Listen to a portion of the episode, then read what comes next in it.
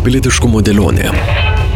FM99 laidos apie tai, kas vyksta aplink, apie karo pasakmes Lietuvai ir pasauliui, pilietinės visuomenės svarbą, dezinformaciją ir gebėjimą ją pažinti, kultūros įtaką, kuriant imperialistinę visuomenę ir kaip išlikti atspariems išorės grėsmėms. Klausykite. Požiūris į dezinformaciją rytuose ir vakaruose, šalyse patyrusiose Rusijos okupaciją ir nežinančiose, kas tai yra. Kaip tai atrodo, kaip kovoti su dezinformacija, kas veikia, o kas ne. Ar įmanoma, kad naujosios ES taisyklės didžiosioms platformoms padės? Apie tai pokalbis su Bram Alkema, kovo su dezinformacija ekspertu. FM99 eteryje antradienį 10.30, kartojama ketvirtadienį, šeštadienį ir sekmadienį. Laidą surasite ir FM99 radio podcast'o epizoduose bei YouTube kanale. Pilietiškumo dėlionė. Klausykite šiandien. Sveiki, prie mikrofono Vilija Kvedaraitė. Rusijos skleidžiamos dezinformacijos keliama grėsmė seniai puikiai suprantama Lietuvoje ir kitose šalyse, kurios buvo okupuotos Sovietų sąjungos. Tačiau vakarų Europai reikėjo, kad Rusija užpultų Ukrainą tam, kad pagaliau suprastų, jog valstybinis propagandinis kanalas nėra žiniasklaidos priemonė. Ir tokius galima ir reikia drausti. Tai niekaip nesusijęs su jokiu laisvu žodžiu. Tiesa, kovos su dezinformacija priemonių imta ieškoti jau anksčiau 2018-aisiais. Europos komisija tuomet pateikė Elgesio su dezinformacija kodeksą, galiausiai šiemet rugsėjai patvirtinti ES skaitmeninių paslaugų aktas ir skaitmeninių rinkų aktas, kurie reguliuos didžiasias internetinės platformas. Šiokia tokia atranka vyksta ir natūraliai. Prasidėjus Rusijos kariniams veiksmams Ukrainoje, rusų kalba retransliuojamos televizijos programos prarado pusę savo auditorijos Lietuvoje. 50 procentų respondentų, kurie anksčiau jas žiūrėdavo, sako, kad po vasario 24-osios nebežiūri. Dalis dėl to, kad populiariausi kanalai uždrausti, tačiau visgi dauguma, kad juose skleidžiama propaganda ir dezinformacija. Prieš metus, tai yra dar iki vasario 24-osios atliktas Rusijos dezinformacijos kampanijų vidurio ir rytų Europoje tyrimas atskleidė, kad šalyse, kur rusų kalba suprantama didelės dalies gyventojų, dezinformacijos poveikis smarkiai didesnis. Palyginus 14 šalių, Rusijos žiniasklaidos įtaka didžiausia buvo Ukrainoje, Baltarusijoje, Latvijoje ir Moldovoje, kur rusų kalba populiari, o ir žiniasklaida šią kalbą plačiai naudojama. Mažiausiai Rusijos įtakos buvo Lenkijoje, Vengrijoje ir Rumunijoje dėl mažo rusakalbių skaičiaus. Estija išsiskyrė žiniasklaidos reguliavimu ir dėmesiu pažeidžiamoms grupėms bei pilietinės visuomenės veikla. Pakankamai kokybišką sisteminį atsaką turėjo Lietuva, Armenija, Čekija, Rumunija ir Ukraina. Šių metų spalį paskelbto medijų raštingumo indekso viršuje yra Suomija, po to Norvegija, Danija ir ketvirtoji Estija, po kurių seka Švedija ir Airija su beveik vienodais balais tarp 41 Europos valstybės. Lietuva indekse užima 17 vietą ir yra aukščiau nei Lenkija, kuri 19, bei Latvija užimančia 21 vietą. Reitingo apačioje Šiaurės Makedonija, Bosnija ir Hercegovina, Albanija, Juotkalnyje ir Turkija. Šios šalys turi mažai galimybių kovoti su dezinformacijos padariniais, daugiausiai dėl to, to, kad žiniasklaidos laisvė ir švietimas yra nepakankami. Kalbant apie metodus kovai su dezinformacija, indekso ataskaitose pasisakoma už švietimą prieš reguliavimą. Tačiau, kaip rodo gyvenimas, kartai švietimas yra per ilgas kelias, nors ir būtinas. Reguliavimas, įskaitant socialinę žiniasklaidą ir draudimus, būtinas, tuo pačiu užtikrinant teisės ir žodžio laisvę. Kitaip iškyla tolerancijos paradoksas, kai greuti demokratijai pasitelkiamos liberaliosios demokratijos taisyklės. Be to požiūris į dezinformaciją ir kiek jai įtaką daro Rusija ar kitos užsienio jėgos labai skiriasi šalyse nepatyrusiose Rusijos okupacijos ir žinančiose, kas tai yra. Kaip tai atrodo, kaip kovoti su dezinformacija, kas veikia, o kas ne, ar įmanoma, kad naujosios ES taisyklės didžiosioms platformoms padės. Apie tai pokalbis su Bram Alkema, Drog Group dezinformacijos ekspertu, kurso apie naujas žiniasklaidos strategijas dėstytojų Niderlandų Amsterdamo taikomųjų mokslų universitete. Kokia situacija informacinėje erdvėje šiandien? Baltijos šalyse mes ir anksčiau neprastai gebėjome atpažinti dezinformaciją, tačiau taip vadinamoms vakarų šalims tai gana nauja.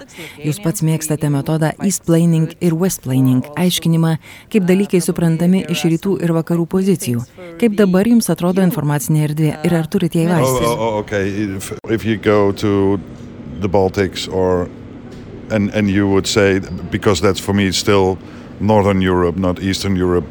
Jeigu kalbėti apie Baltijos šalis, man tai visgi Šiaurės Europa, o ne Rytų. Bet ar patyrimas savo kailiu keičia supratimą? Taip. Dauguma akademinių bendruomenių dirbančių prieš dezinformaciją nebuvo patyrę dezinformacijos įtakos. Jie nepažįsta nieko, kas buvo tiesiogiai paveiktas.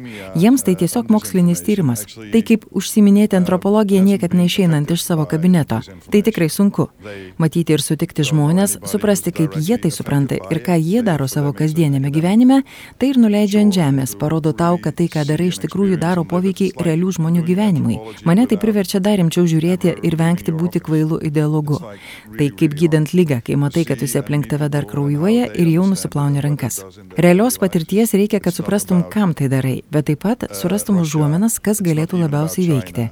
Nes dezinformacija likusioje Europos dalyje ir Junktinėse valstijose bei Junktinėje karalystėje tai nėra apie karą, nėra apie Rusiją ir net ne apie Kiniją. Nors Taivanui, Baltijos šalims ir Balkanų šalims tai yra apie tai. Bet mums ne. Mums tai reiškia, kad žmonės sąmoningai meluoja dėl politinių priežasčių. Tai iš esmės yra, ką reiškia dezinformacija platesnė prasme. Tai ne užsienio valstybių įtaka, net nesusiję su karu. Tai daugiausiai apie vidaus veikėjų šalyje. Tad jeigu nuvažiuosi kažkur į regioną, kuris yra netoli fronto linijos, netoli karo, tai daug labiau juntama. Tai lyg alkoholio laipsnių skirtumas tarp vyno ir degtinės uh, it's it's the difference between wine and and, and vodka. Ar tikrai taip, nes pavyzdžiui, prieš rinkiminio laikotarpio Vokietijoje, Prancūzijoje RT Russia Today buvo aktyviausias veikėjas šių šalių informacinėje erdvėje internete, peržiūrų skaičiais viršijęs visus vietinius šaltinius ir nuolat transliavęs dezinformacinės žinutės. Nebejotinai tai padarė įtaką ir geltonųjų liemenių judėjimui Prancūzijoje ir panašiems. No, no, no,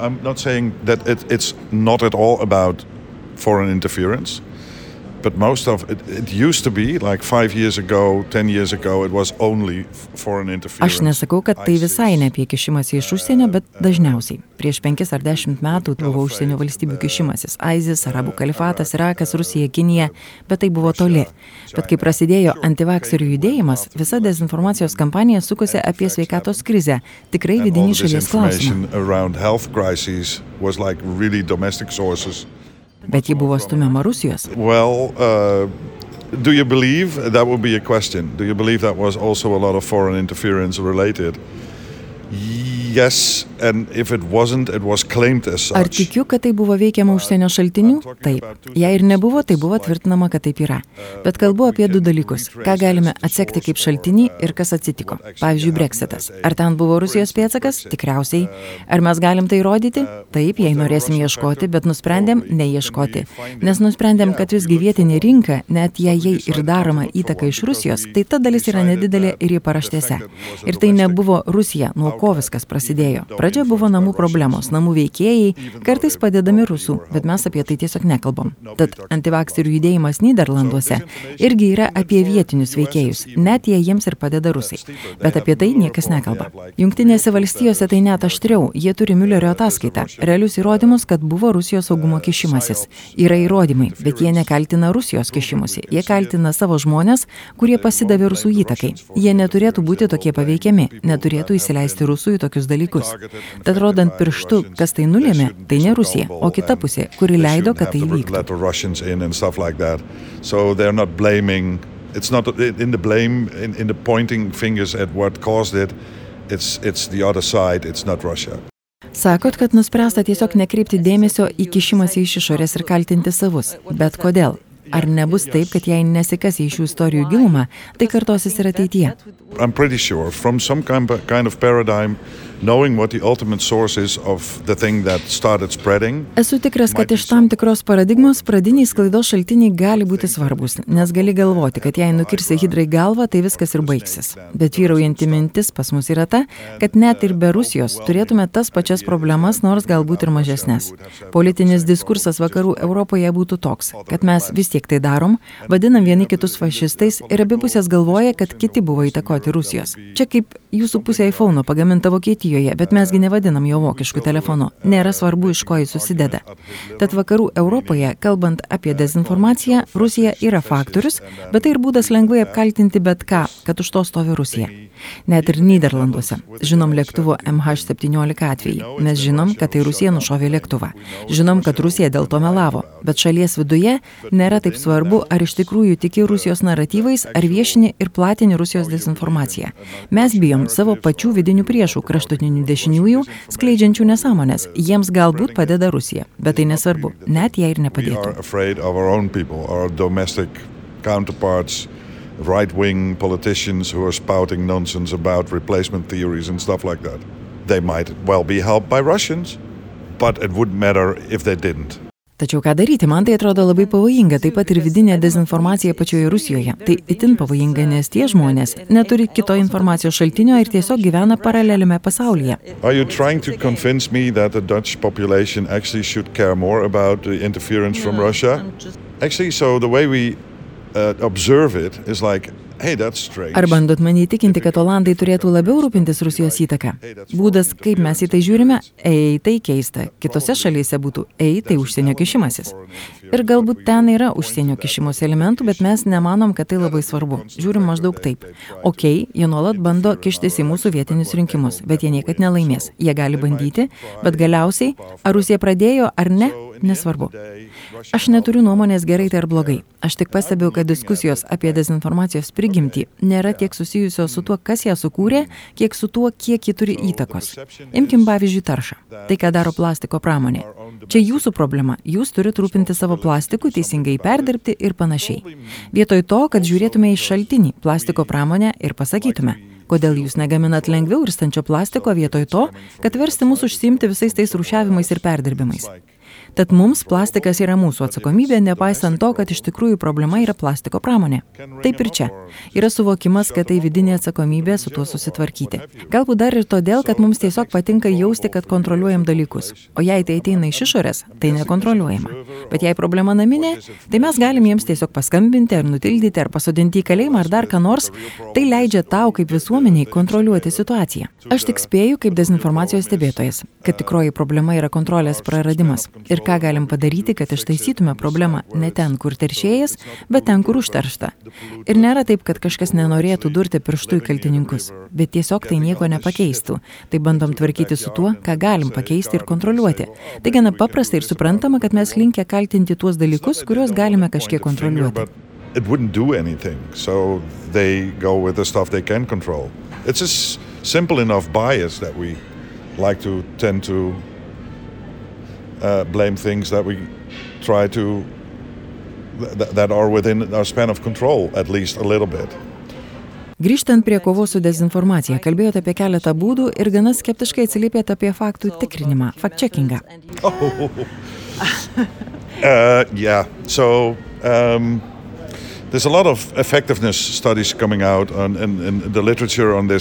Atsiranda daug efektyvumo studijų ir literatūros apie tai, kokia intervencija ar gydymo priemonės iš tikrųjų veikia. Faktų tikrinimas galėtų veikti, jeigu naudotum labai specifinius modelius. Yra receptas demaskuoti dalykus ir tai reikia daryti hamburgerio principu. Pradėti nuo to, kokie yra faktai, kas yra tiesa ir pačiais paprasčiausiais, lengvai suprantamais terminais naudoti reklamos kalbą, kad būtų labai aišku, kas yra tiesa. Tada reikia imti mitus ir pradėti lyginti palyginti. Pirmiausia tiesa, tada dezinformacija ir vėl pabaigti tiesa.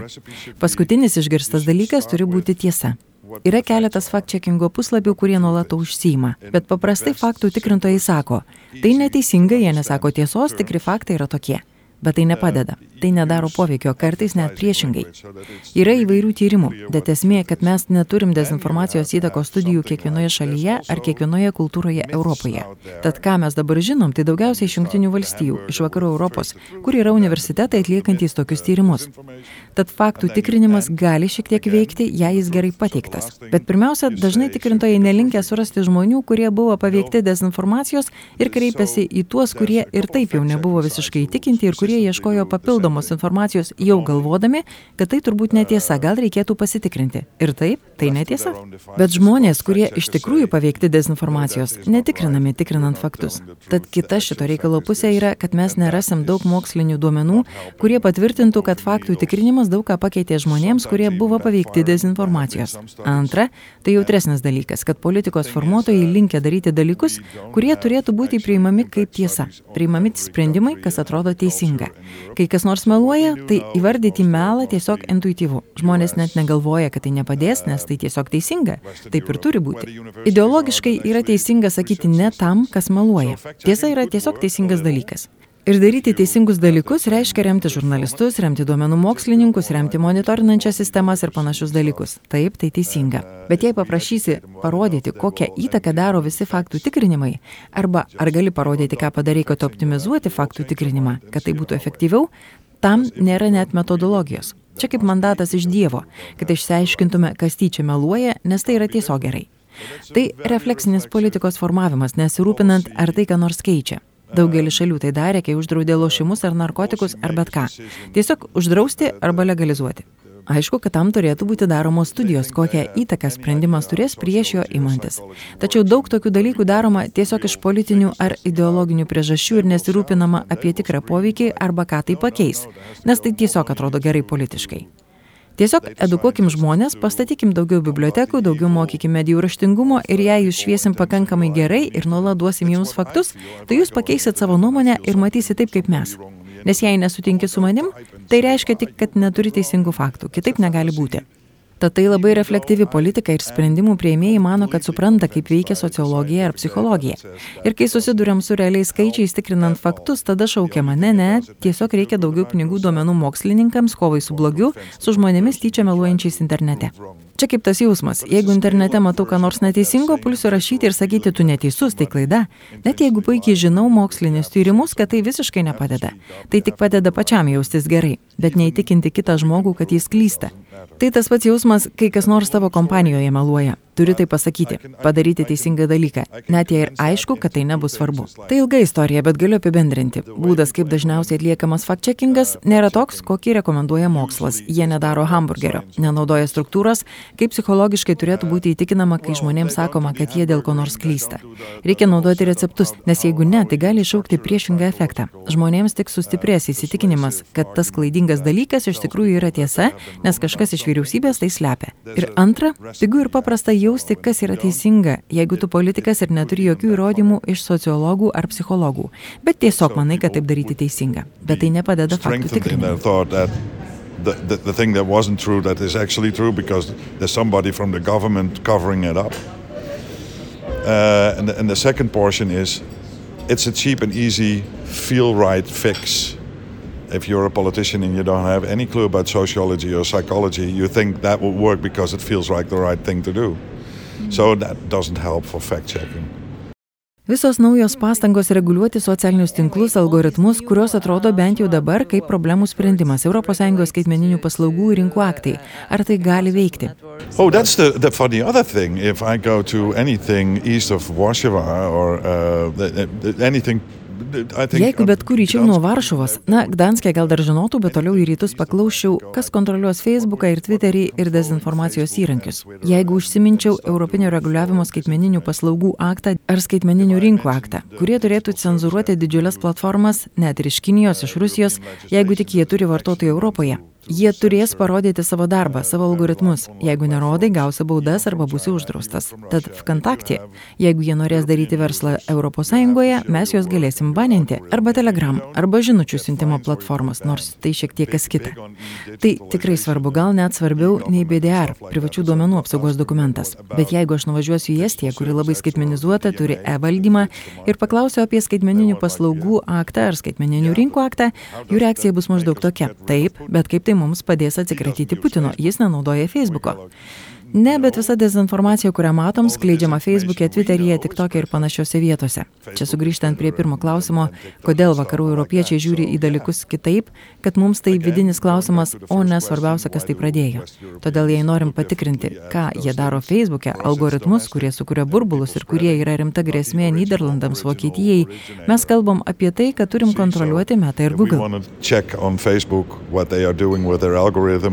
creating filter bubbles, uh, filter bubbles and echo chambers and stuff like that.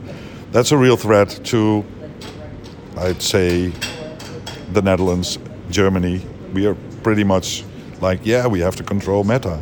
We have to control Google. Can Absolutely, we can. Well, we did it with GDPR. We did it with GDPR. We told them, like, no, this is our data. Žinoma, galim. Mes tai jau padarėm su BDR. Pasakėm, kad tai mūsų duomenys. Vokietijos duomenų ministras pasakė, kad visi duomenų apsaugos dalykai daromi Vokietijoje neturi jokios prasmės, jeigu pusė gyventojų kasdien išvažiuoja į kitą šalį ir sugrįžta atgal ir dengsta visas duomenų privatumas.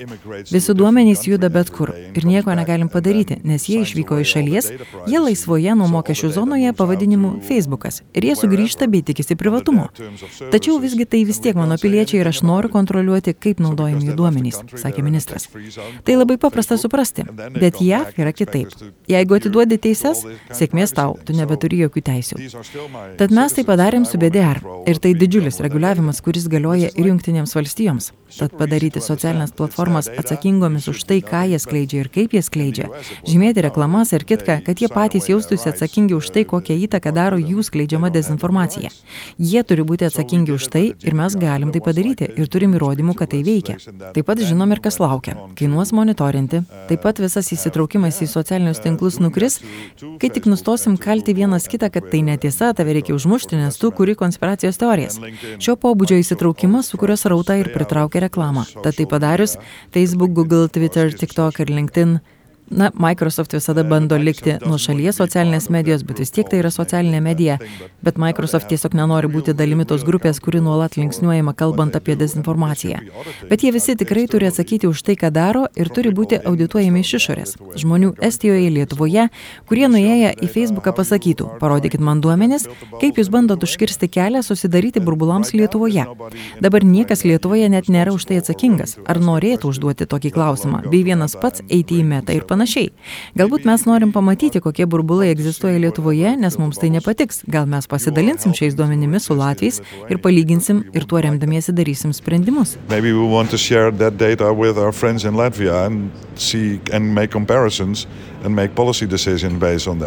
Dabar daug žmonių skundžiasi draudimais naudoti savo Facebook'o paskyras dėl, pavyzdžiui, rusų vadinimo žudikais, nors tai tiesiog tiesa. Should that be, should hate speech be hate speech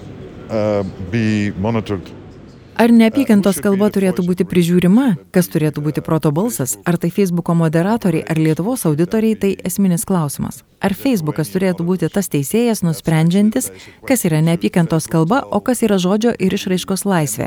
Ar tai turi būti reguliuojama Facebooko taisyklių? Nes tai turi didelį įtaką tam, kaip funkcionuoja Lietuvos visuomenė. Tad jei tau neleidžiama sakyti to, kas yra visiškai normalu ir tinkama šalyje, ir tai išraiškos laisvė, mes tai rašom net ant marškinėlių, kaip ruskiai vajenai karablį dinahui, nes naudojame tai visur. Ir Facebookas sakytų, kad tai neapykantos kalba, tai ne jūs turit mums sakyti, kas mums yra neapykantos kalba, jei mums tai priimtina. Mes turim nuspręsti, nes kitaip tu bandai kištis į tai, kaip veikia mūsų visuomenė. Tai yra būdas mums būti aukščiau algoritmų ir patiems nuspręsti, kas turi būti draudžiama. Mums reikia to pagristo suderinto susitarimo, kad ir Facebookui būtų lengviau tai padaryti visoje Europoje. Bet ką sako skaitmeninių paslaugų aktas, tik bendrasis duomenų apsaugos dokumentas, kad tavo duomenys yra tik tavo duomenys. Tavo duomenys ir tu atsakingas už tai, kas atsitiks su tavo duomenimis. Tas pats algoritmais. Lietuviai atsakingi už tai, kokį algoritmą Facebookas turi naudoti Lietuvoje. Ir bent jau turėti teisę pasakyti, kas padės kurti geresnę visuomenę. Žinoma, Facebookas turbūt sakys, kad pabandom paleisti keletą eksperimentų, pažiūrėti pažiūrėti, ką duomenys sako, kas iš tikrųjų padeda, kaip galim tos burbulus judinti, tai veikia Bosnijoje, gal taip ir padarykim. Mes galim diskutuoti apie tai, bet neleisti Facebookui diktuoti, kas turėtų ar neturėtų būti leidžiama ir kokie burbulai turėtų ar neturėtų būti Lietuvoje. Facebookas neturi būti galutinis sprendėjas. Ir nemanau, kad jie nori jo būti. Bet dabar vieninteliai kriterijai, kuriuos jie turi, yra kas neša daugiausiai pinigų. O mes turim ir kitų dalykų, kurie svarbus mūsų visuomenėms. Tad mums nerūpi vien Facebooko pinigai, bet rūpi gerai funkcionuojanti visuomenė.